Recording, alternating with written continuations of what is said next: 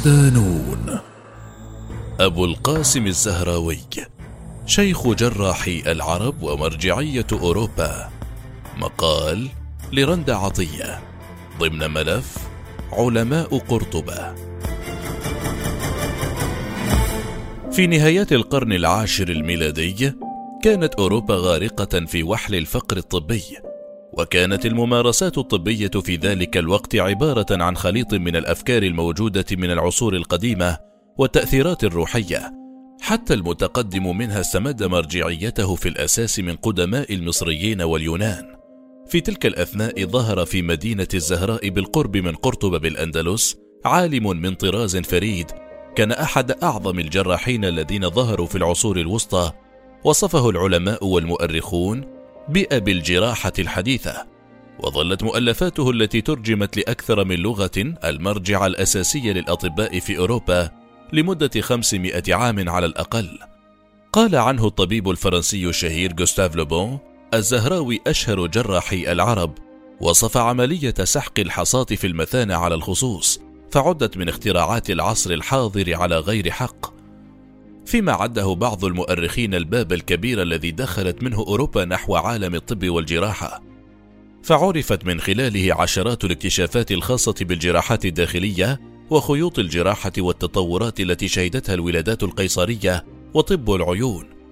فاستحق عن جدارة أن يكون ضمن قائمة الشرف التاريخية إلى جوار الرازي وابن النفيس والبغدادي وابن رشد ومسكويه. هو أبو القاسم خلف بن عباس الزهروي المعروف لدى أوروبا بأبو الكسيس أحد أعلام الطب في الأندلس وصاحب الموسوعة الشهيرة التصريف لمن عجز عن التأليف المكونة من ثلاثين مجلدا وكانت نقطة تحول كبيرة في مسيرة طب الجراحة في أوروبا والعالم العربي والإسلامي لما تضمنته من اختراعات واكتشافات حديثة عهد بالعالم آنذاك فماذا قدم الزهراني للبشرية؟ حتى تربع على عرش الخلود التاريخي كل تلك السنوات. نشأة فقيرة وبيئة غنية. ولد أبو القاسم في الزهراء عام 936 ميلادية لأسرة فقيرة. فنشأ في كنف العوز ولم يكن مترفا كما أشار بعض المؤرخين حيث عمل منذ الصغر في الحرف اليدوية والزراعة التي كان يعمل بها أغلب سكان مدينته في ذلك الوقت من أجل مساعدة أسرته والإنفاق على نفسه وقد أثر ذلك على شخصيته التي اتسمت بالجدية والاستقلالية. تعاني سيرة الزهراوي كغيره من أعلام قرطبة والأندلس من تغافل المؤرخين وتجاهل الكتابات التي تؤرخ لتلك الحقبة المضيئة في مسيرة الحضارة الإسلامية. غير أن جل ما وصل عنه كان بعد رحيله وفي أواخر حياته بعدما تحول إلى نابغة الطب والجراحة وأصبحت اكتشافاته واختراعاته مرجعية الطب في العالم. كان أبو القاسم مولعا بالعلم وتلقي علومه الشاملة فدرس الشريعة والفقه لكنه اختار الطب تحديدا خدمة لأهل مدينته من الفقراء غير القادرين على التطبب وحرص منذ صغره أن يكون لهم معينا وناصرا في مواجهة مصاعب الحياة. لذا لقب بطبيب الفقراء حيث كان يعالجهم مجانا وبأسعار زهيدة. وفيه قال المؤرخ أبو عبد الله الحميدي في كتابه جذوة المقتبس في أخبار علماء الأندلس إن أبا القاسم الزهراوي كان من أهل الفضل والدين والعلم وكان يخصص نصف نهاره لمعالجة المرضى مجانا قربة لله عز وجل. ورغم الأجواء المادية الصعبة التي عاشها الزهراوي ومعاناته من الفقر من حسن حظه أنه نشأ في عصر الأندلس الذهبي علما. حيث كانت قرطبة في أوج ازدهارها ورونقها الحضاري حين كانت قبلة العلماء والباحثين، وكانت حاضنة الأطباء وأولي العلم وطلابه، وكانت تحتوي المدينة حينها على خمسين مستشفى وأكثر من سبعين مكتبة عامة، فيما كانت تجارة الكتب هي التجارة الرائجة في ذلك الوقت. وعن هذا المناخ الملهم يقول أستاذ تاريخ العلوم الطبية في جامعة دمشق الدكتور يحيى خراط من حسن حظ الزهراوي أنه عاش في بيئة علمية جيدة.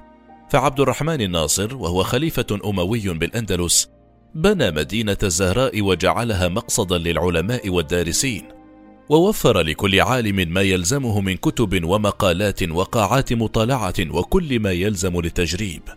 لم يكن أبو القاسم من نوعية العلماء المحظيين بالتقرب من الحكام وأهل السلطة كغيره وما كان يحب هذا النوع من التملق الذي يدفع صاحبه لأن يتوسل على موائد الحاكم وأعوانه للوصول إلى مبتغاه وكان ذلك أحد الأسباب الرئيسية وراء تجاهله لسنوات طويلة وتجاهل أخباره وسيره التي فرضت نفسها على الجميع لاحقا بعد الإسهامات العظيمة التي قدمها للعلوم الطبية بصفة عامة.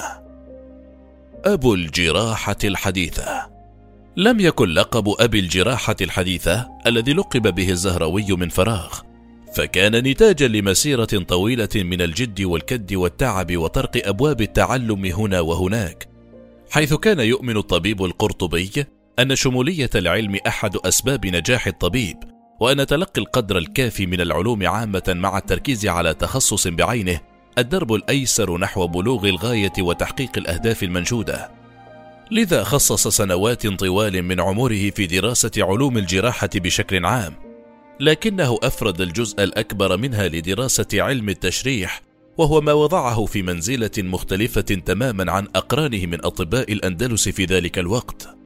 الغريب بحسب المؤرخين أن علم التشريح كان من العلوم التي وصفت بالمحتقرة ودونية المكانة لدى أطباء الأندلس آنذاك، وكان يوكل إليها للعبيد والإماء، أما الأطباء المهرة فلا يجرون جراحة بأيديهم مطلقا، لكن مع قدوم أبي القاسم تغيرت النظرة تماما، وتحول التشريح من علم العبيد إلى رأس هرم المهرة والمتفوقين من الأطباء.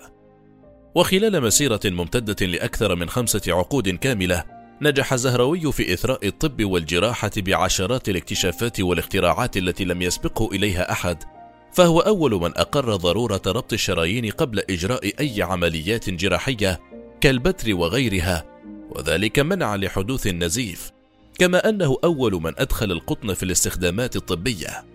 وينسب له استخدام خيوط كاتجات في الجراحة وهي الخيوط التي تستعمل اليوم في العمليات الجراحية وثبتت فعاليتها بشكل كبير خاصة في الجراحات الداخلية لامتصاص الجسم لها. وكان الزهراوي يصنع تلك الخيوط من أمعاء القطط والكلاب ويستخدمها في جروح الأمعاء والمعدة. ويرجع المؤرخون لأبي القاسم أنه صاحب إسهامات عظيمة في فن جراحات التجميل. فهو أول من استخدم الخياطة التجميلية تحت الجلد وأول من استخدم خيوط الحرير في ربط الشرايين بعد الجراحة وأدخل أوتار العود فيها وابتكر الخياطة المثمنة كما أنه أول من استعمل الخياطة بإبرتين وخيط واحد. التصريف الموسوعة الخالدة. تعد موسوعة التصريف لمن عجز عن التأليف التي ألفها الزهراوي عام ألف للميلاد واحدة من أعلام موسوعات الطب في العالم وأكثرها انتشارا وأقدمها تاليفا وأنفذها تاثيرا وأبقاها اثرا وتفسيرا وحضورا على موائد الطب والأطباء والباحثين على مدار أكثر من ألف عام مضت. فهي العنوان الأبرز للعالم الأندلسي وأحد ركائز إسهاماته وإنجازاته الطبية التي كانت وستظل نقلة نوعية في علوم الجراحة. الكتاب يتألف من ثلاثة أبواب وينقسم كل باب إلى عشرين فصلا فرعيا ويغطي معظم مجالات الطب والصيدلة بل يعد هذا المؤلف اللبنة الأولى لفنيات استخدام المستلزمات الطبية التي عرفها العالم بعد عشرات السنين من وفاته وسجلت باسمه حتى نهاية التاريخ. ويستهل الزهراوي موسوعته بمقدمة تطرق فيها إلى علم التشريح الذي يراه النواة الأولى لبناء طبيب ماهر ولا يمكن لأي طبيب أن يمتهن الطب دون دراسته. وفي هذا يقول في مقدمة الكتاب والسبب الذي لا يوجد صانع محس بيده في زماننا هذا لأن صناعة الطب طويلة وينبغي لصاحبها أن يرتاض قبل ذلك في علم التشريح.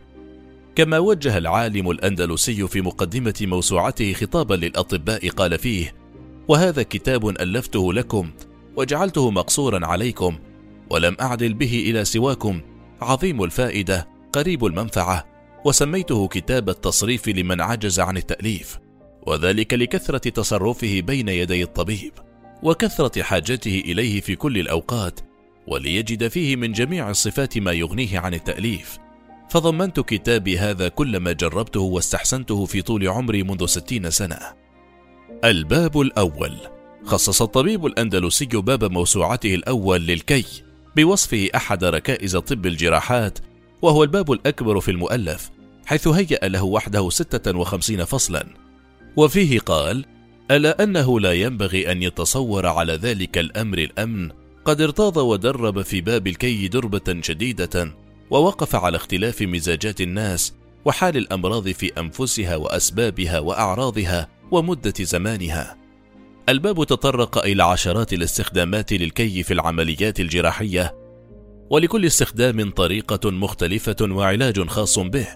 ومن الاستخدامات التي لا تزال حاضرة حتى اليوم في الكي وتستند في تفاصيلها إلى ما تناوله هذا الكتاب استخدام الكي لعلاج الناصور وفي التعقيم وفي وقف النزيف. الباب الثاني. وفيه تطرق الزهراني تفصيلا إلى الشق والبط وغيرها من الأدوات العلاجية المستخدمة في الجراحات كما خصص فصولا بأكملها لجراحة الأسنان واستخدام الفضة والذهب في تثبيتها كذلك جراحات اللثة والفكين.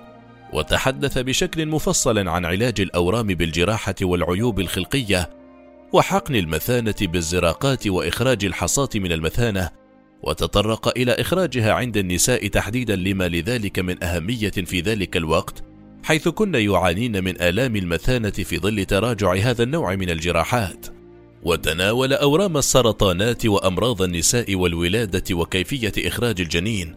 وينسب له اختراع الملقط لإخراج رأس الجنين من الرحم كما تحدث عما سمي بالعلاج العام ويقصد به فنيات جراحة البطن والأمعاء وخياطتها وأدوات الخياطة المستخدمة.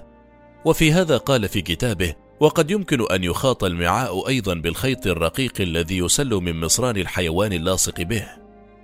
الباب الثالث. وتطرق فيه إلى علم التجبير وقسمه إلى فصلين كبيرين الأول يتكلم عن الكسور تشخيصها وعلاجها مفصلة من الرأس إلى القدمين وعن المدة التي يحتاجها كل كسر على حدة. أما الثاني فعن كسور الرأس تحديدا وقد وصف الزهراني في هذا الباب مفهوم التربنة قائلا. أما كيفية الثقب حول العظم المكسور فهو أن تجعل المثقب على العظم وتديره بأصابعك حتى تعلم أن العظم قد نفذ. ثم تنقل المثقب إلى موضع آخر. وتجعل بعد ما بين كل ثقب قدر غلظ المرور أو نحوه ثم تقطع بالمقاطع ما بين كل ثقبين وتفعل ذلك بغاية ما تستطيع عليه من الرفق كما قلنا حتى تقلع العظم إما بيدك أو بشيء آخر من بعض الآلات التي أعددتها لذلك مثل الخفق والكلاليب اللطاف وينبغي أن تحذر كل الحذر أن يلامس المثقب أو المقطع شيئا من الصفاق. حققت تلك الموسوعة شهرة طبقت الآفاق حتى تحولت إلى المرجعية الأساسية لأطباء أوروبا في القرون السابقة خاصة في علوم الجراحة والتشريح وجراحات التجميل والاستخدامات المتشعبة للأدوات العلاجية الطبية. وقد أثنى الكثير من المؤرخين والعلماء على هذا الموقف الثمين الذي قال عنه العلامة ابن حزم الأندلسي وكتاب التصريف لأبي القاسم خلف بن عباس الزهروي وقد أدركناه وشاهدناه ولئن قلنا إنه لم يؤلف في الطب أجمع منه ولا أحسن للقول والعمل في الطبائع لنصدقن. لم يكن التصريف لمن عجز عن التأليف هو الإسهام التأليفي الوحيد للزهروي في مجالات الطب المختلفة. فله عشرات المؤلفات والرسائل الأخرى في مجالات العيون والرشاقة والسمنة أبرزهم كتاب نور العين وتفسير الأكيال والأوزان والمقالة في عمل اليد ومع ذلك ظلت موسوعته الخالدة هي الإنجاز الأكبر في مسيرته الممتدة قرابة ستة عقود. حقق الزهروي شهرة فائقة بعد رحيله فاقت تلك التي حققها وهو على قيد الحياة. فبعد خروج موسوعته وبقية مؤلفاته للنور، وأضافت للطب ما أضافت له، تحول إلى علم ينشده الجميع ومرجعية يقصدها كل طالب علم في مجالات الجراحات المختلفة وفيه قال مؤرخ الأطباء الشهير ابن أبي أصيبعة خلف بن عباس الزهراوي كان طبيبا فاضلا خبيرا بالأدوية المفردة والمركبة جيد العلاج وله تصانيف مشهورة في صناعة الطب وأفضلها كتابه المعروف بالزهراوي وله من الكتب كتاب التصريف لمن عجز عن التأليف وهو أكبر تصانيفه وأشهرها وهو كتاب تام في معناه. وبعد نضال في محراب العلم دام لسنوات طوال أثرى فيها الزهراوي مكتبة العلوم الطبية العالمية بمداد لا يتوقف. لقي ربه عام 404 للهجرة الموافقة ل 1013 للميلاد. ليتحول من ذلك الطبيب المجهول نصير الفقراء والبعيد تماما عن بلاط الحكام إلى قبلة العلماء والباحثين ومرجعية أوروبا لعقود طويلة تاركا خلفه إرثا علميا لا ينكره أحد مسطرا اسمه بأحرف من نور في سجلات عظماء الإنسانية الخالدين.